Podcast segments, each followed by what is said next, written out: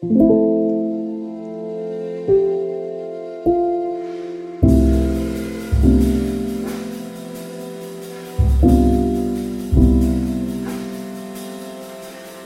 det att prata om allt? Är det till och med nödvändigt?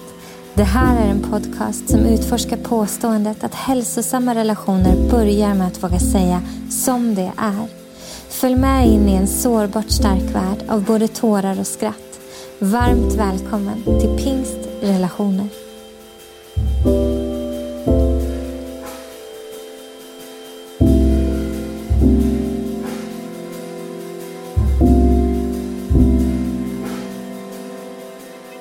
Hej och varmt välkomna tillbaka till Pingstrelationer-podden. Så roligt att ni fortfarande är med oss i det nya året och den nya säsongen. Jag vet inte alls hur din jul och din nyår var men jag hoppas att du startar det nya året med hopp och förväntan på att dina relationer med dig själv, med Gud och med dem runt omkring dig faktiskt kan blomstra. Bli helare, bli friskare, bli sundare och bli mer välmående. Idag har jag en fantastisk gäst i podden. Och Jag vet att jag brukar säga det hela tiden när jag har en gäst, men det är sant idag också. Det här är en person som jag träffade för första gången på Lappis i år. Och vi, eller förra året blir det ju. Och vi hamnade bredvid varandra på planet hem vilket resulterade i ett långt och intensivt, väldigt bubbligt samtal. Och eh, som några av er vet så är jag inte så superförtjust i småprat. När det kom till denna gäst så var det inga problem alls. Vi passerade småpratet snabbt och gick rakt på sak och djupdök i livets sårbarheter och äktenskap och relationer och kommunikation och hur vi kan hjälpa människor som kämpar och sliter. Så jag visste direkt att jag ville bjuda in den här personen till podden eh, och att ni alla lyssnare skulle bli väldigt glada av att få ha honom med. Så Mikael Gunnardo. Är det så man uttalar efternamnet? Gunnardo. Gunnardo, förlåt. Jag kände att det var fel. Gunnardo. Ska man säga Micke också? Gärna det. Så Micke Gunnardo, välkommen till podden. Tack så mycket. Så roligt att du är här. Väldigt roligt. Um, jag tänkte att du ska få börja med att berätta hur det är med dig idag. Liksom. Vad är statusen just nu? Ganska bra tycker jag. Ganska bra? Ja. Mm. Har eh, nyss avslutat ett samtal och nu går jag in i detta med förväntan. Vad roligt. Ja.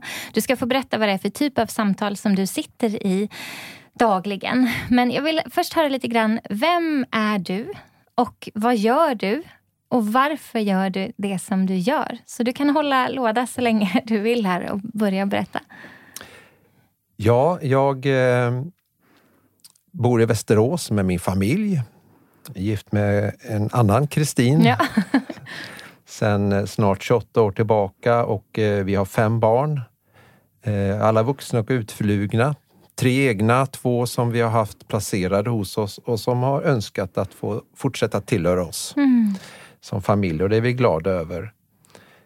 Eh, jag tillhör eh, IFK-församlingen Korskyrkan där jag finns med i eh, församlingsledningen som äldste sedan 15 år tillbaka. Mm. Jag har i 25 år ungefär jobbat i olika sociala verksamheter.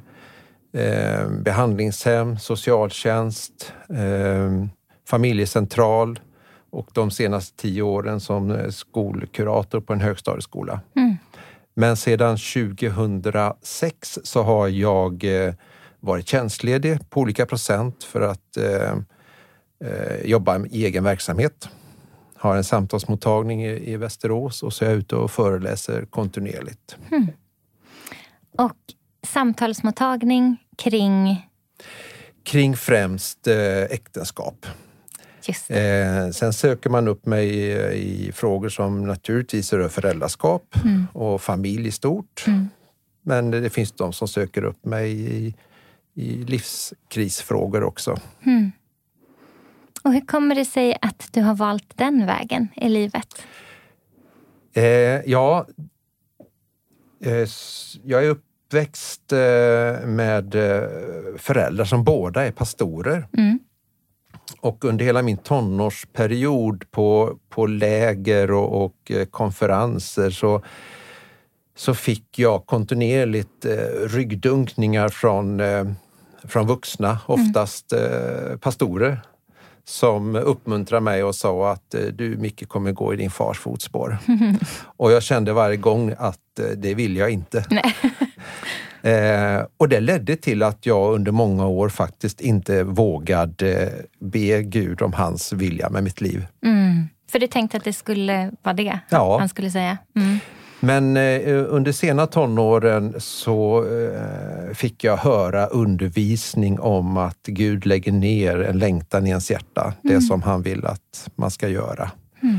Och, och, då, började, då vågade jag be om hans vilja med mitt liv och jag fick väldigt, väldigt snart ett tydligt svar. Mm.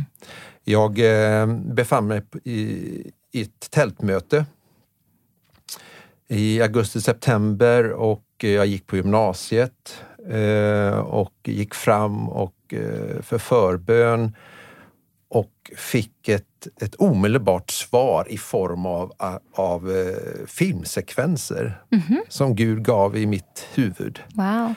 Eh, sekvenser där jag på olika sätt fanns med, där eh, barn, eh, par, familjer behövde stöd och hjälp i olika situationer. Mm. Eh, det var väldigt konkreta filmsekvenser och jag blev eh, förälskad i de här bilderna. Oh. Så när jag satt på tåget hela den hösten till, till Borås där jag gick i, i gymnasieskolan så, så framkallade jag de här bilderna och bara njöt. Mm. Och, och det är ju spännande utifrån att eh, eh det jag hade ingen i släkten som jobbade med detta. Nej. Så för mig var det så tydligt att det var Gud. Det mm. fanns ingen som helst tvekan. Så det, det var upprinnelsen till att jag på olika sätt eh, sökte mig. Eh, jag sökte mig till exempel eh, ett par, tre år senare till Mariannelunds folkhögskola mm. Och gick en socialdiakonal kurs. Mm. Socialt arbete på kristen grund. Och, och, och, och blev väldigt uppmuntrad som ledde till att jag sökte högskolan efter det. Mm. Um, och på Mariannelund så träffade jag dessutom min blivande fru, så det var ja. mycket som var bra där. Wow, mm. vad underbart. Men du, då hade du kallelsen och kallelsebekräftelsen och, och de här bilderna som liksom visade på någon slags, det här vill jag göra med mitt liv. Har det varit en enkel väg, skulle du säga? Eh, Ja, jag tycker nog inte att den har varit svår, men mm. däremot så har den fört mig på oväntade vägar. Mm. Att jag skulle jobba så eh, profilerat mot äktenskap, det hade jag inte med mig från början alls. Utan det var nog eh, liksom barn och familj som var mitt fokus. Mm. Eh, men eh, som nygift med Kristin så så var jag väldigt upptagen av eh, det faktum att mina föräldrar några år tidigare inte lyckats hålla ihop sitt äktenskap. Mm. Och jag förstod ju att eh, då fanns det inga som helst garantier för, för mig och Kristin heller. Just det. Så jag eh, började intressera mig och, och läste mycket om det här med relationer. Mm eh, för att vi skulle få en, en så god start som möjligt i vårt äktenskap. Mm. Eh, och upptäckte eh, hur eh, intresserad jag var av det. Mm.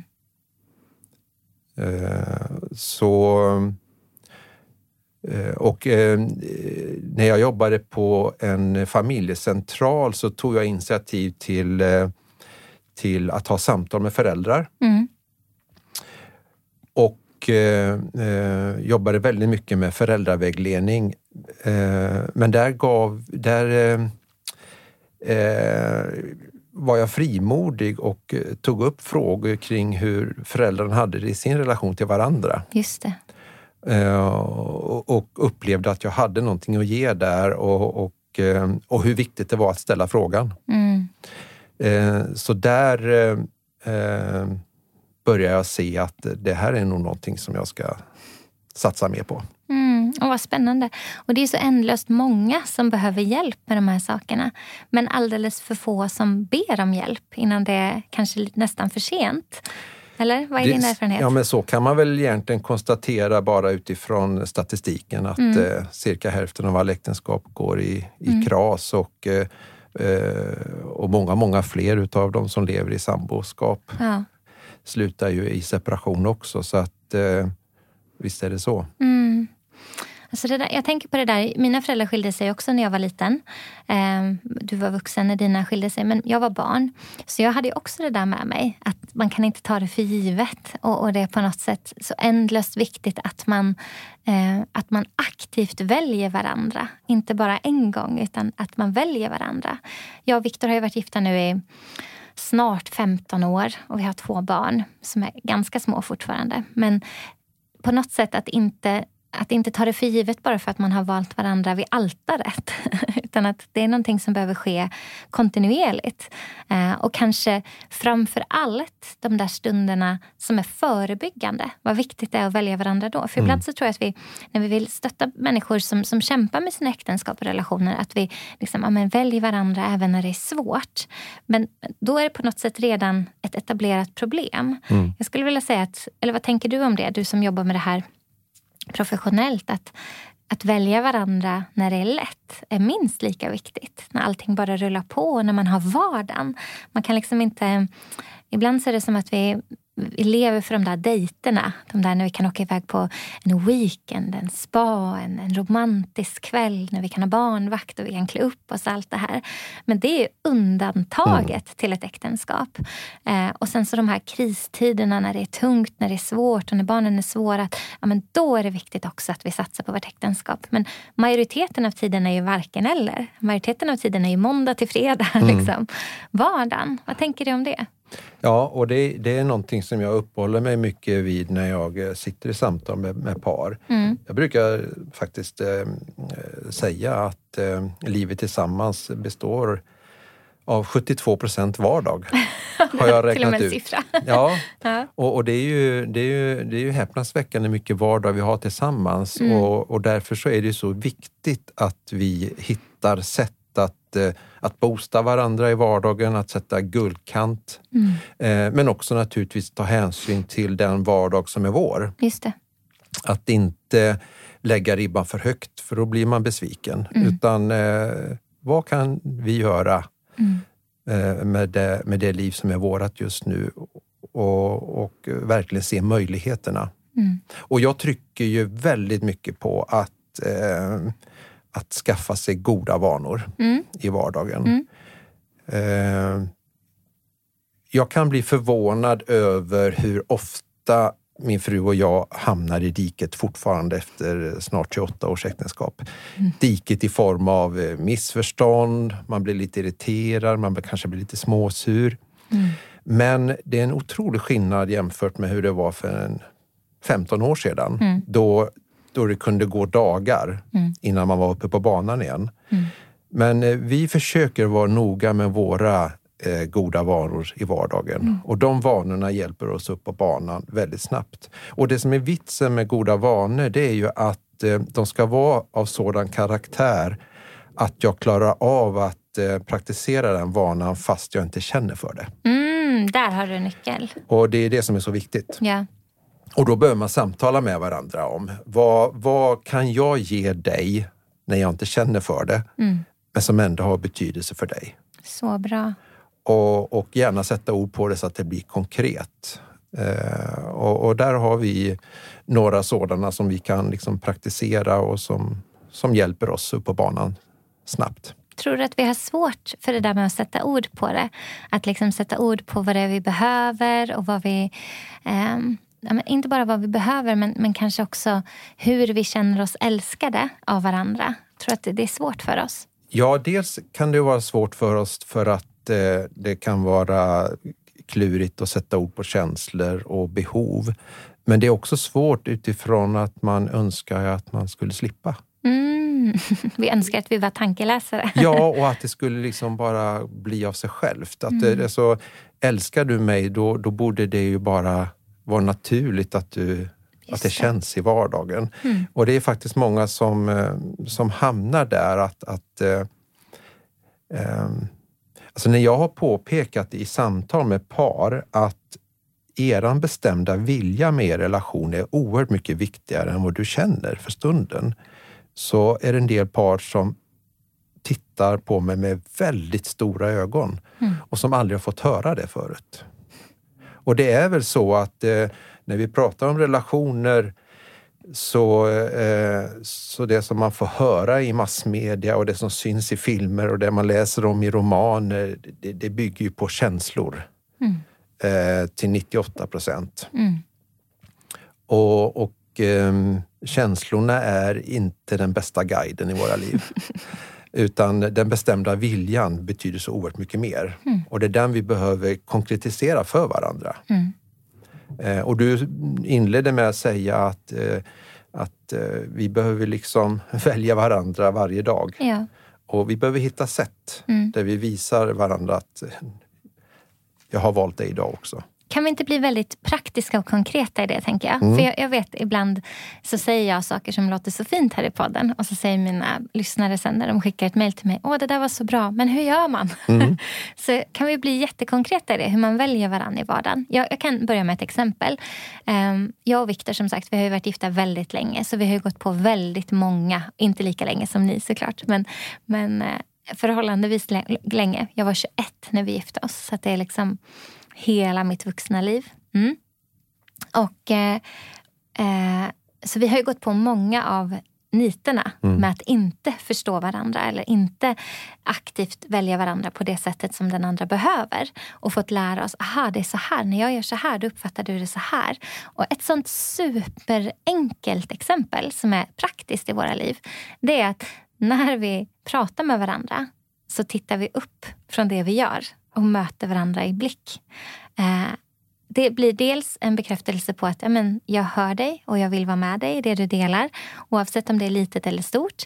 Eh, att det du delar är viktigare än det jag håller på med här och nu just nu. För relationen med dig är viktigast. Eh, och... Eh, men att man kan lägga ifrån sig telefonen. Att man inte liksom håller kvar i den så att man visar att snart går jag in i det här igen så blir klar. Utan att man faktiskt aktivt lägger ifrån sig den. Det här, det här är på något sätt inte något vi är experter på. Speciellt inte jag. Men då har vi lärt oss med tiden att uttrycka att det här är viktigt. Mm. Att kan jag ha din fulla närvaro just nu? Är du närvarande här med mig? Och Viktor är väldigt bra på att säga det på det sättet. För då är det som att den här reflexen i mig att oh, nu har han uttryckt ett behov. Den kickar igång. Och då vill ju jag möta honom i det. Fast när det bara går på automatik så tänker jag att ja men precis och så tittar jag upp lite slarvigt och så återgår jag. Men när han säger, har jag dig här och nu? Är du här? Har jag din närvaro? Är du med mig? Då förstår jag att det han egentligen säger är, nu vill jag ha din närvaro. Nu vill jag kommunicera med dig och jag vill se att du möter mig. Så då lägger jag ifrån mig och så tittar jag upp och så möter jag och så är jag närvarande. Och jag menar, det är ju superpraktiskt och superkonkret mm. men det har hjälpt oss jättemycket mm. i det här med att i, i, små saker i vardagen visa att vi är här med varandra. Mm. Har du något mer? Jag tycker att det där är ett bra exempel och eh, det som ingår i det exempel som du nämnde om här det är ju att eh, att eh, Viktor får ibland lov att påminna dig och ja. uppmärksamma dig om. Mm. Och, och, jag tror att det, eh, det är många som har problem där. Mm. Eh, och kanske också därför att det lätt kommer som ett klagomål. Just det. Och, och då är man inte så taggad på att gensvara på det och därför är det jätteviktigt att eh, att för mig uppmuntra och påminna par att försöka att uttrycka det i önskemål, mm. dina behov. Eh, för ska vi använda vår reptilhjärna så kommer det ut som klagomål mm. allt som oftast. Eh, så det, här behöver vi tänka till. Mm. Sen eh, för att ge ytterligare några konkreta exempel så eh, jag tror att det är jätteviktigt att vi lägger ribban väldigt lågt mm. när det gäller att eh, skapa goda vanor i vardagen.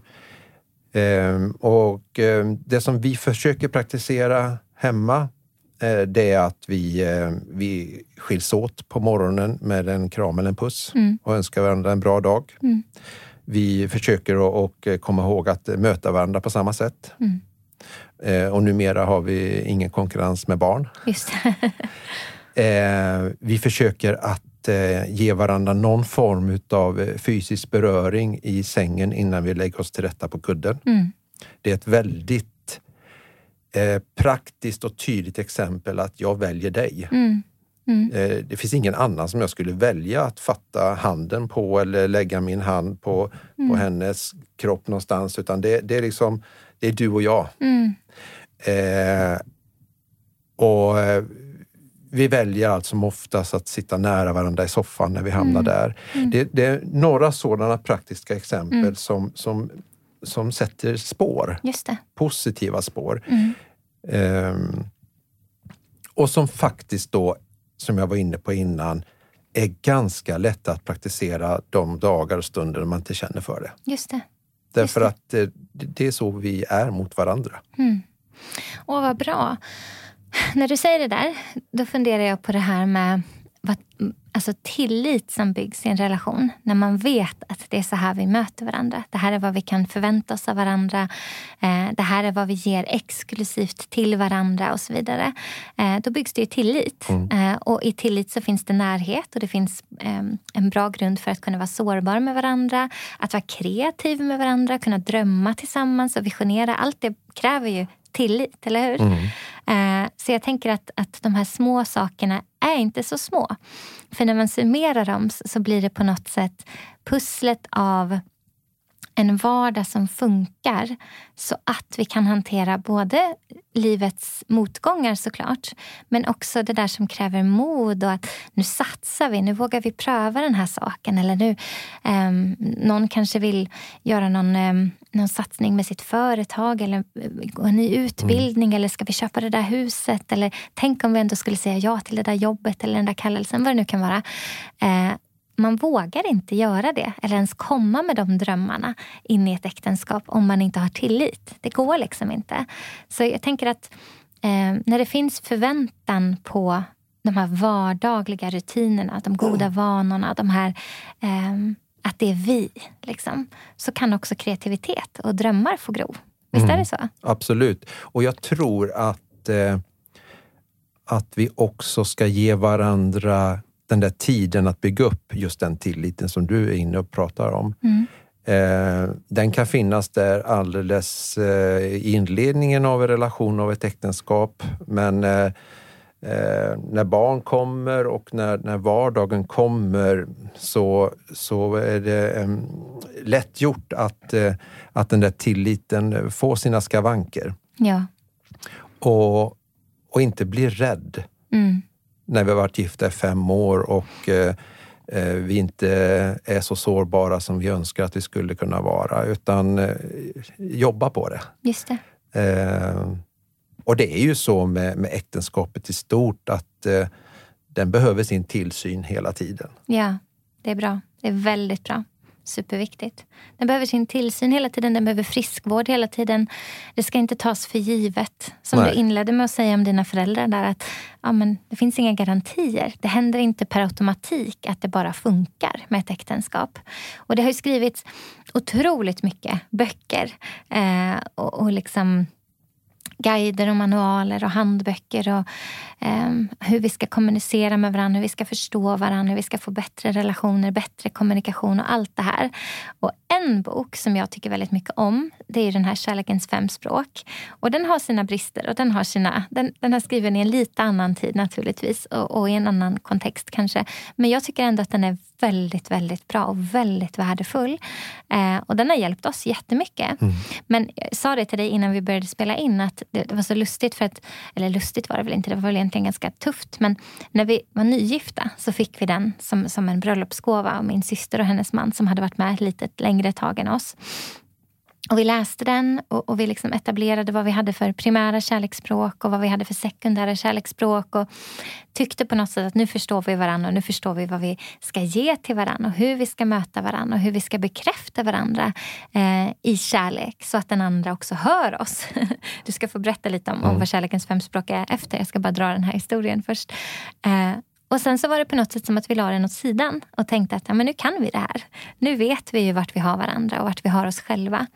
Och så gick lite år Och så fick vi barn. Eh, och så fick vi till barn. Och det är ju helt fantastiskt. En enorm gåva och, och, en sån längtan efter barn som vi hade. Och en sån stor glädje när de kom.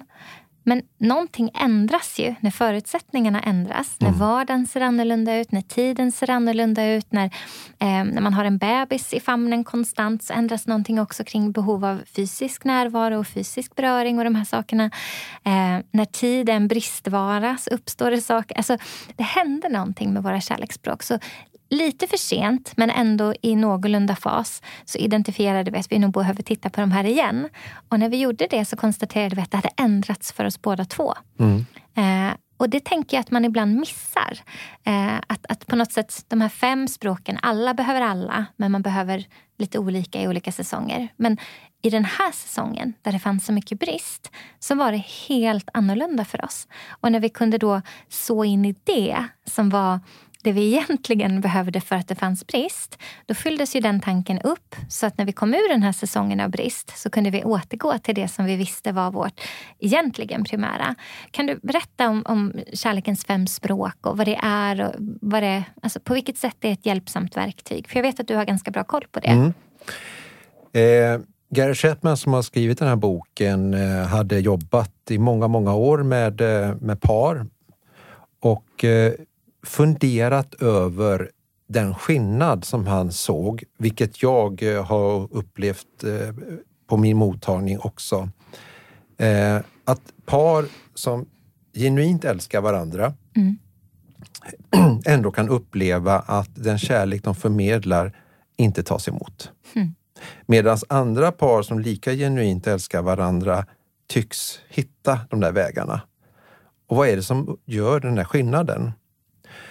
Och, och, när han började botanisera detta så, så ledde det fram till kärlekens fem språk. Att det finns förmodligen fem huvudsätt att tala om och visa att man älskar någon så att, att föremålet, människan för min kärlek också får chansen att, att känna sig älskad. Mm. Och när, jag har mött hundratals par genom åren i samtal och den återkoppling jag får allra mest på i, i den eh, vägledning jag gett dem, det är när jag har hjälpt dem att praktisera kärlekens fem språk i vardagen. Okay. Mm. Det är det som har liksom förändrat och förädlat eh, pars relationer allra mest. Så det är ett fantastiskt verktyg mm. eh, att, att behärska mm. i, och, och, ha kunskap om detta. Och det är precis som du säger att, att eh, det, det, är fem sätt och jag kan ju ge uttryck för dem då. Det är eh, fysisk beröring, det är hjälpsamma handlingar.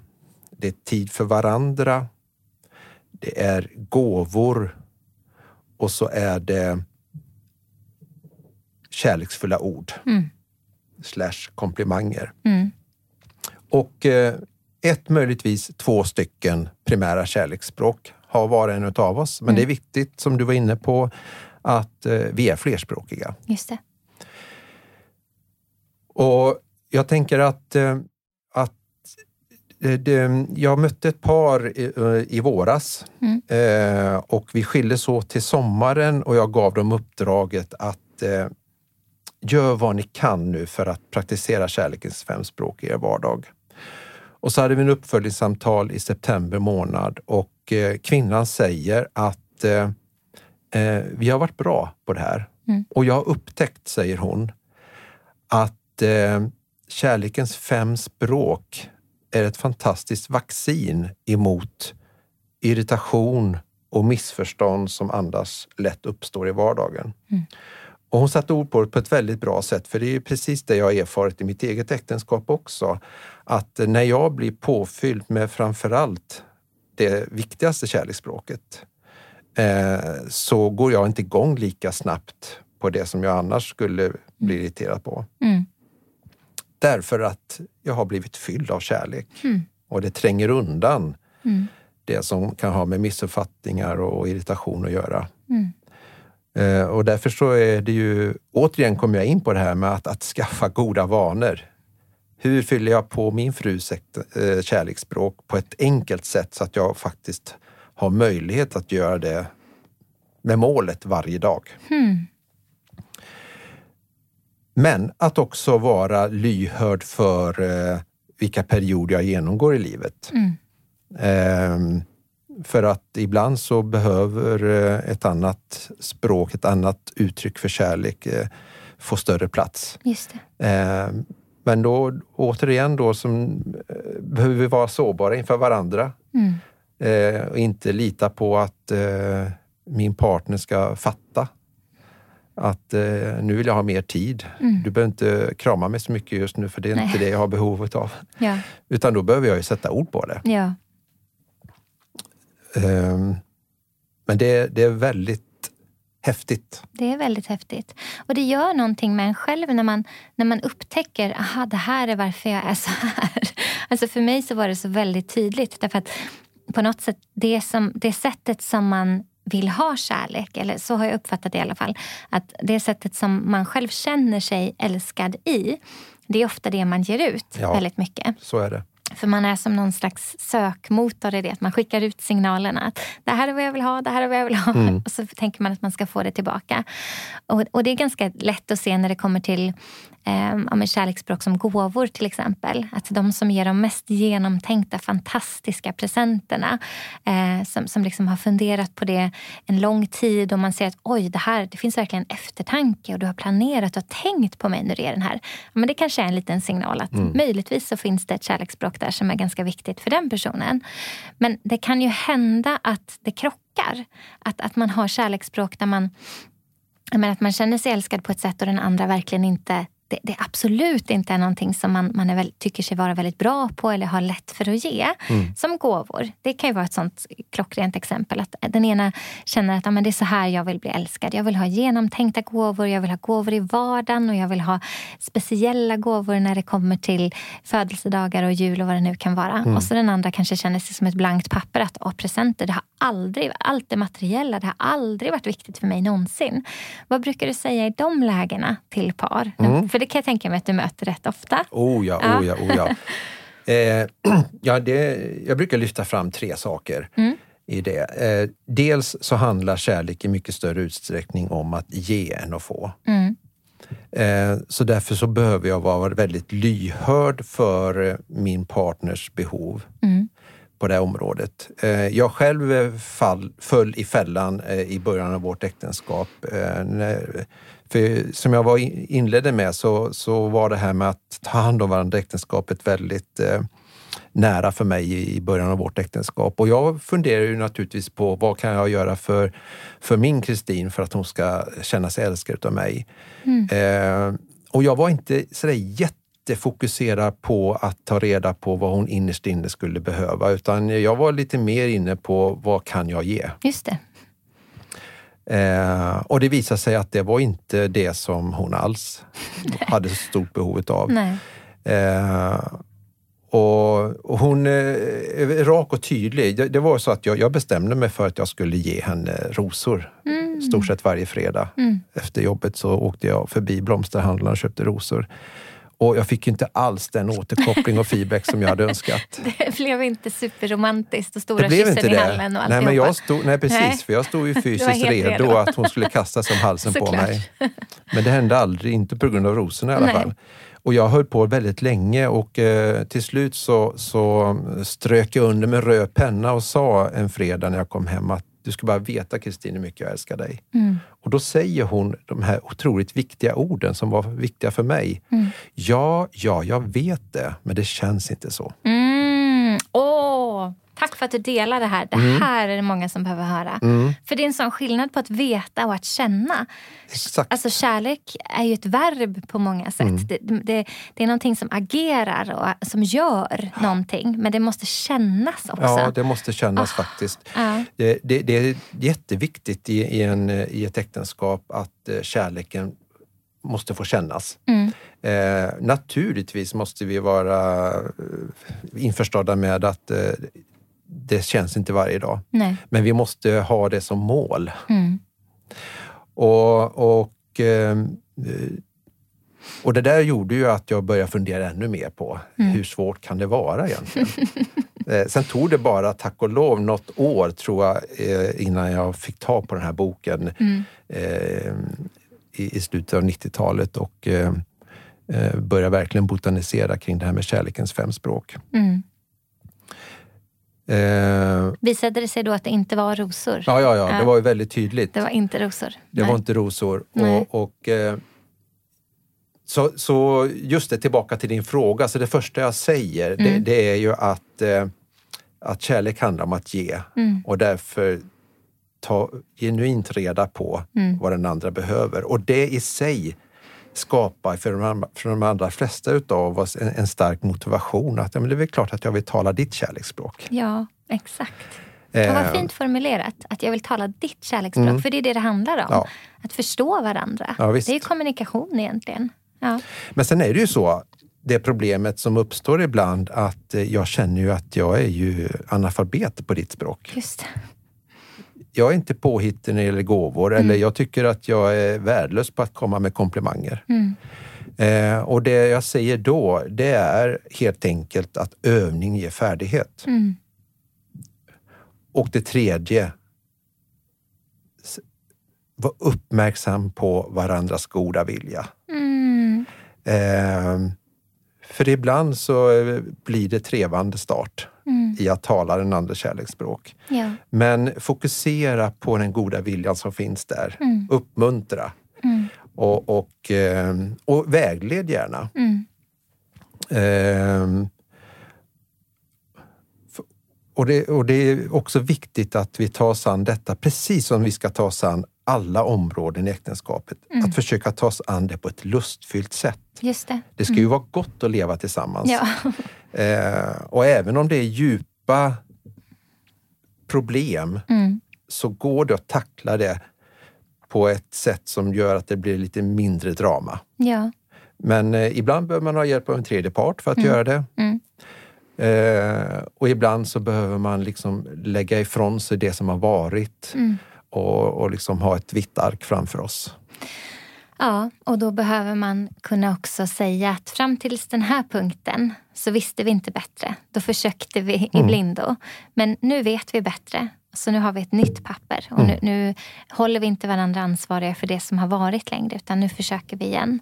Eh, det tror jag alldeles för många, och mig inkluderad, har svårt för att göra. Mm. Eh, för man har ju historiken och på något sätt ju längre man har varit tillsammans med varandra. Du vet, Victor och jag blev ett par när jag var 16 år. Mm. Han var 18 år.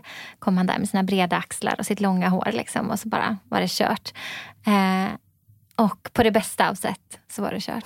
Men, men du vet, 16 år gammal. Jag har ju knappt... Ett, alltså, min hjärna var ju inte färdigutvecklad när jag valde med hela mitt hjärta att vara med Viktor för resten av mitt liv.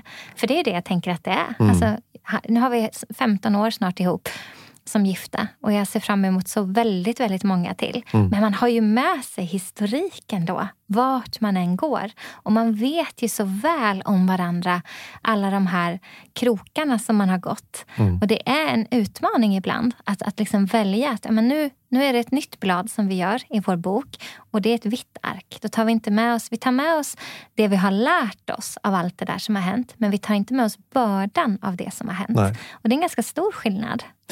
Verkligen, och oftast så är det så för oss att när vi blickar tillbaka så, så finns det en anledning till att vi sitter här, du och jag, och reflekterar över det. Alltså, mm.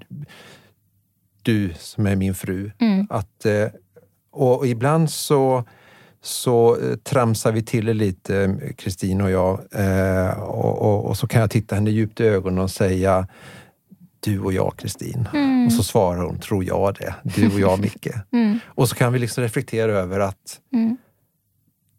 27 år har gått. Mm. Det är inte klokt. Nej, det är inte klokt. Och, och eh, vad vi har tampas med. Mm. Och ändå så sitter vi här och, och älskar varandra fortfarande. Och väljer varandra. Ja, och den där förundran mm. tror jag är jätteviktigt att man delar med jämna mellanrum. Eh, och ibland så behöver man bestämma sig för att man behöver förundras tillsammans mm. och ibland så gäller det att ta tillfället i akt när det dyker upp. Det dök upp en sån lustig situation i, i våras. Vi var ute och käkade lunch i Stockholm. Mm. Och sen kommer servitrisen fram till mig och eh, undrar om eh, om vi skulle betala var en för sig eller inte. Mm. Och då sa jag till servitrisen att den där kvinnan där, så pekar på min fru, henne har jag varit gift med 27 år så jag kan betala för oss båda. eh, men, och, och hon, eh, servitrisen skrattade och gick därifrån och, och skulle komma tillbaka med notan. Men min fru Kristin mm. tittade på mig och sa, varför måste du överdriva så? 27 år! Va? Ja. Uh-huh. Och så, så räknade jag på fingrarna åt henne. Uh-huh. Ja, men det, alltså, vi gifte oss 95 mm. och det är år 22 nu. Vi har varit gifta 27 år.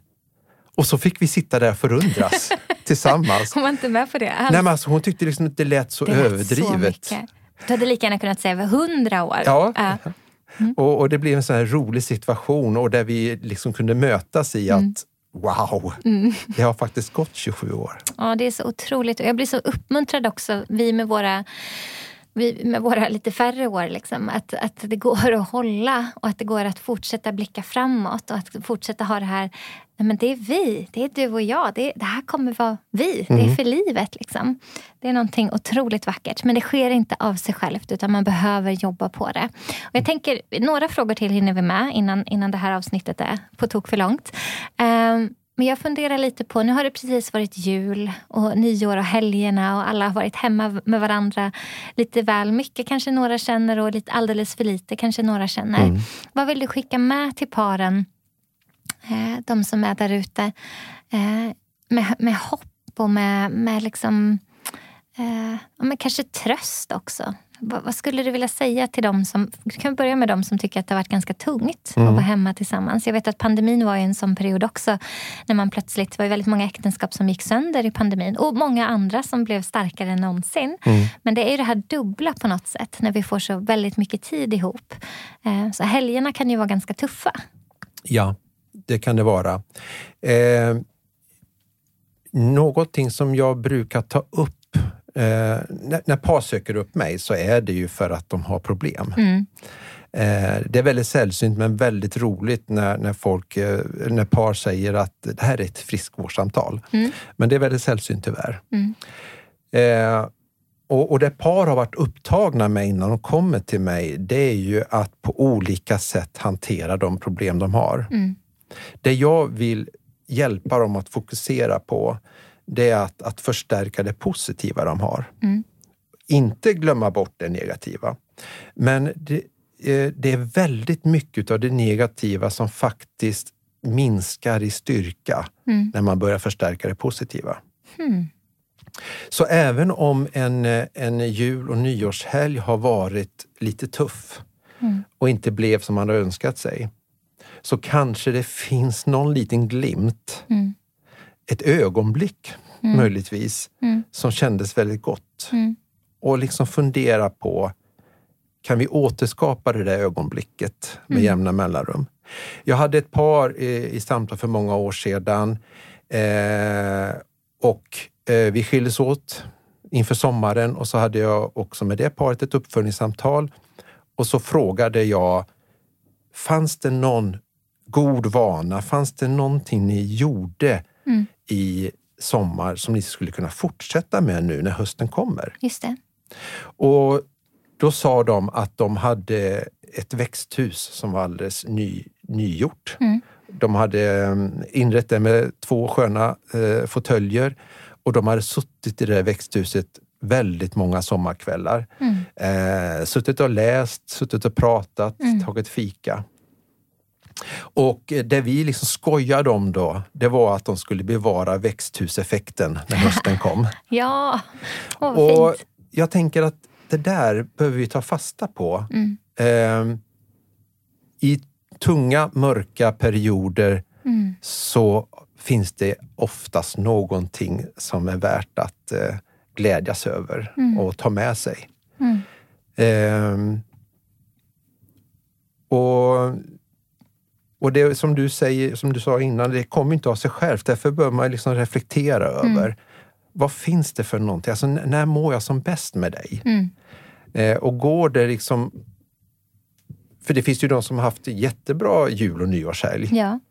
Eh, och det är likadant med dem. Alltså att, eh, tänk inte att det där hade med ledigheten att göra. Nej. Utan eh, kanske att ni behöver skruva lite på det och inte ha samma eh, förväntningar för ni har inte samma tid när vardagen kommer. Men ni kanske kan göra någonting utav det där Mm. eh, som kändes så gott. Mm. Väldigt bra. Väldigt bra. Jag funderar på, du har ju den här relationsfirman. Vill du berätta någonting om den? Och så vet jag att det finns ett nätverk också som du har varit med och initierat. Vill du dela lite kring de sakerna? Ja. Ja, relationsfirman det, det är ju min samtalsmottagning och eh, eh, det är inte ofta man kan säga tack vare pandemin. Men tack vare pandemin så var jag under en period tvungen att bara ha digitala samtal. Och eh, det där fick eh, spridning på ett eh, oväntat sätt. Eh, så att numera så har jag ju väldigt många fler digitala samtal än, eh, video, än eh, fysiska samtal. Och jag har samtal med par från hela landet. Eh, till min eh, mottagning så kommer det cirka 50-50 kristna par och icke-kristna par. Eh, när det gäller digitala samtal så är det ju 90 procent kristna par. Eh, och det säger ju någonting om hur viktigt det är att som kristna få samtala med någon som delar tron. Ja, För det är en sån viktig del. ja. Eh, och sen så handlar min eh, relationsfirman också om att jag är ute och föreläser en hel del om, eh, om parrelation och äktenskap i första hand, men väldigt frekvent om föräldraskap också. Vad spännande. Så man kan boka dig med andra ord? Jajamensan, det ska kan vi man lägga göra. alla länkar och kontaktuppgifter i podcastavsnittet så att de får se det. Mm. Vad skulle du säga, du har ju också det här nätverket. Mm. Så jättegärna att du delar någonting kring det. För jag vet att det är återkommande att jag försöker samla på mig just människor som jobbar eh, professionellt med samtal och stöd och, och ja, men, trauma och terapi och olika saker men som också är kristna. Mm. För det är så väldigt ofta som jag får frågor från, från par eller från individer som behöver komma i kontakt med någon men de vill helst prata med någon som delar tron. Ja. Eh, och jag vet att du har en spännande grej där. Mm. Ja, för cirka ett år sedan så var vi fyra stycken män faktiskt som startade nätverket för kristet samtalsstöd. Eh, och vi upplevde behovet eh, av att dels finnas till för varandra. Att, att eh, be för varandra och eh, stötta varandra, för det är ett, det är ett ensamt jobb Mm. eh, att eh, jobba med de här frågorna. Eh, men sen är det också så att eh, det finns ju, det dyker upp frågor eh, kring eh, eh, det finns ju fortfarande par som, som gärna helst vill söka eller sitta i samtal rent fysiskt. Mm. Eh, och eh, då har vi bildat det här nätverket för att öka möjligheten till att ha koll på vad finns det kristna eh, parterapeuter, kristna eh, människor som gärna tar emot par i samtal. Eh, så att vi kan liksom länka vidare. Så väldigt bra. Mm. Super, superbra. Och om du skulle göra en liten framtidsspaning då? Det är alltid svårt att göra. Men, men jag tänker du har så gott om erfarenhet och du har mött par genom så många olika säsonger. Och jag kan tänka mig att det är mycket som är återkommande kring varför folk söker hjälp. Jag anar att det här med kommunikation och vi förstår inte varann kanske är den högt på listan, eller? Mm, det är det. Ja. Men vad finns det mer för saker? För jag tänker att dels om vi vet vad det är folk kämpar med så kan de som lyssnar där ute känna sig lite mindre ensamma. Som att ah, det är bara vi som har de här problemen. Så vi kan ge lite tröst in i det. Men sen också om, om vi, det får sägas vad det är som de är, de, jag kan inte prata här, vad det är som är de vanliga fallgroparna. Så kanske den som lyssnar där ute kan identifiera också att oh, det där behöver vi nog bevaka lite i vårt äktenskap. Eh, så en liten spaning kring vart vi är, vad det är som folk kämpar med och vad du tänker så att man kan förebygga lite eh, och inte hamna i så mycket tokigt i onödan. Mm. Eh, tänker så här att eh, det finns inget enklare när man är gift och framförallt om, om huset är fullt av barn. Det räcker med ett barn så är det fullt. Så är det fullt. eh, och man jobbar mycket och så, så finns det inget enklare än att man försummar varandra. Och, och, och jag tänker att när man upplever att man har det torrt, trist, eh, lite kärlekslöst i, i äktenskapet så, så är du inte ensam. Mm. Därför att eh, det krävs så lite för att hamna där. Mm. Eh, och, och faktiskt så krävs det inte så mycket för att vända på den där kuttingen, utan det, handlar om att eh, att skapa, som vi har varit inne på innan, eh, goda vanor där vi ser och, och upptäcker varandra. Eh, underrubriken för det här med kärlekens fem språk, det är ju att det är kärlek i praktisk handling. Mm. Vi behöver göra saker och ting för varandra. Eh, för att skapa glädjen, lusten, eh, harmonin. Mm. Och, men, men att vi kan... Eh, jag brukar säga att, att, att det krävs en ganska liten insats för att utdelningen ska bli väldigt markant. Mm. Eh, att sätta sig några kvällar i veckan, tio minuter med en kopp te innan man går och lägger sig. Mm. Eh, får en oerhörd betydelse i, i det långa loppet. Mm. Där vi lyssnar på varandra, där vi ser varandra. Och så ta vara på det. Mm. Eh, och för mig är det ju en, eh, min främsta uppgift i, i början av en samtalsserie att på olika sätt ge hopp till paret. Mm. Eh, och, och, ibland så frågar jag dem liksom att, eh, ja, hur tycker ni på en skala 1 till 5 att ni är när det gäller att kommunicera med varandra? Mm. Ja, då blir de lite dystra och molokna och säger att ja, men det, det kanske inte är mer än tvåa. Men tänk vilket förbättringsområde! Ja. Mm. Alltså, jag, kan, jag kommer kunna ge lite små mm. verktyg mm. och, och, det kommer göra skillnad, jag mm. lovar. Mm. Det är jättebra. Det är jätte, jättebra. Och det där blir också att hjälpa dem att få tag på hoppet. Att, att, och jag tänker också att, att så viktigt det är i samtal med människor generellt sett att vi hjälper dem att se att det finns någonstans att komma. Det här är inte för alltid. Där mm. du är nu, det är inte där du kommer stanna. Det är inte det här som är sanningen om din verklighet från och med nu. Utan nu är det så här, men hitåt ska vi. Och så puttar man lite mm. i den riktningen. Eh, men lika viktigt va? att säga titta vad långt vi har kommit mm. och vända sig bak ibland. Och påminna sig själv om vart man har kommit ifrån. Ja. Eh, så den, den biten är väl också viktig. Eh, jag får kommentera en sak ja, där. Visst. För att det, det som, just den sista du nämnde här blir mm. jätteviktigt för mig att, att påminna paren om. Mm. Eh, jag säger att det, eh, till dem att eh, ni måste ha större fokus på riktningen än farten. Mm. Ni kan tycka att eh, det går lite trögt. Mm. Men tittar ni ett halvår tillbaka Mm. Vad är det ni ser då? Mm, bra. Och då ser de alltid att ja, men vi, har, vi har kommit längre. Jättebra. Det där är så viktigt. Jag har några goda vänner som vi ofta pratar äktenskap och ärlighet. Jag och min man och de hänger ofta och pratar om just äktenskapet. Och då brukar vi påminna varandra just om det. Mm. Ja, men vänta lite nu. Nu när ni säger så här om den här situationen. Det är inte så länge sedan. Jag minns att ni sa så här om det. Och bara påminna. För att det ger också lite um, förväntan på att, men okej om vi har erövrat det. Och om mm. vi nu hör varandra i det här. Om vi förstår varandra i det här då finns det nästan ingen gräns för hur långt vi kan komma. Eh, och det skapar också tillit mm. till att men vi sa att vi skulle börja den här resan. Och titta, vi gör det tillsammans. Och det skapar också kreativitet och lust och närhet och trygghet och allt det här. När, när man vet att vi går tillsammans liksom, i en riktning. Ja. Mm. Okej, avslutningsvis då.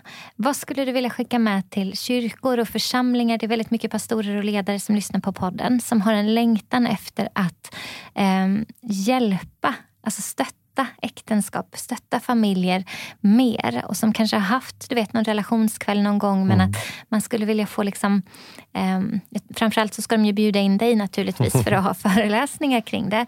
Men, men vad mer kan man göra? Vad skulle de kunna eh, vart ska de börja tycker du? Ja, och eh, jag tror ju att man ska se det här som ett, eh, ett långsiktigt, långsiktigt arbete. Det finns inga quick fix. Eh, jag tror att man medvetet behöver ha en strategi för hur man sänker trösklarna kring att prata om detta, att mm. göra sig mer sårbar.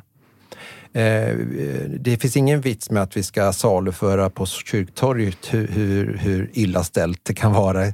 Men, men att ge små glimtar, mm.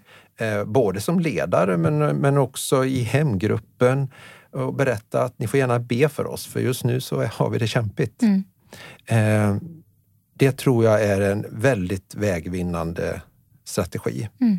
Att hjälpa varandra att eh, sänka trösklarna till detta. Vi har varit och är fortfarande alltför duktiga med att eh, komma till förmiddagsgudstjänsten med den där fasaden av den perfekta familjen.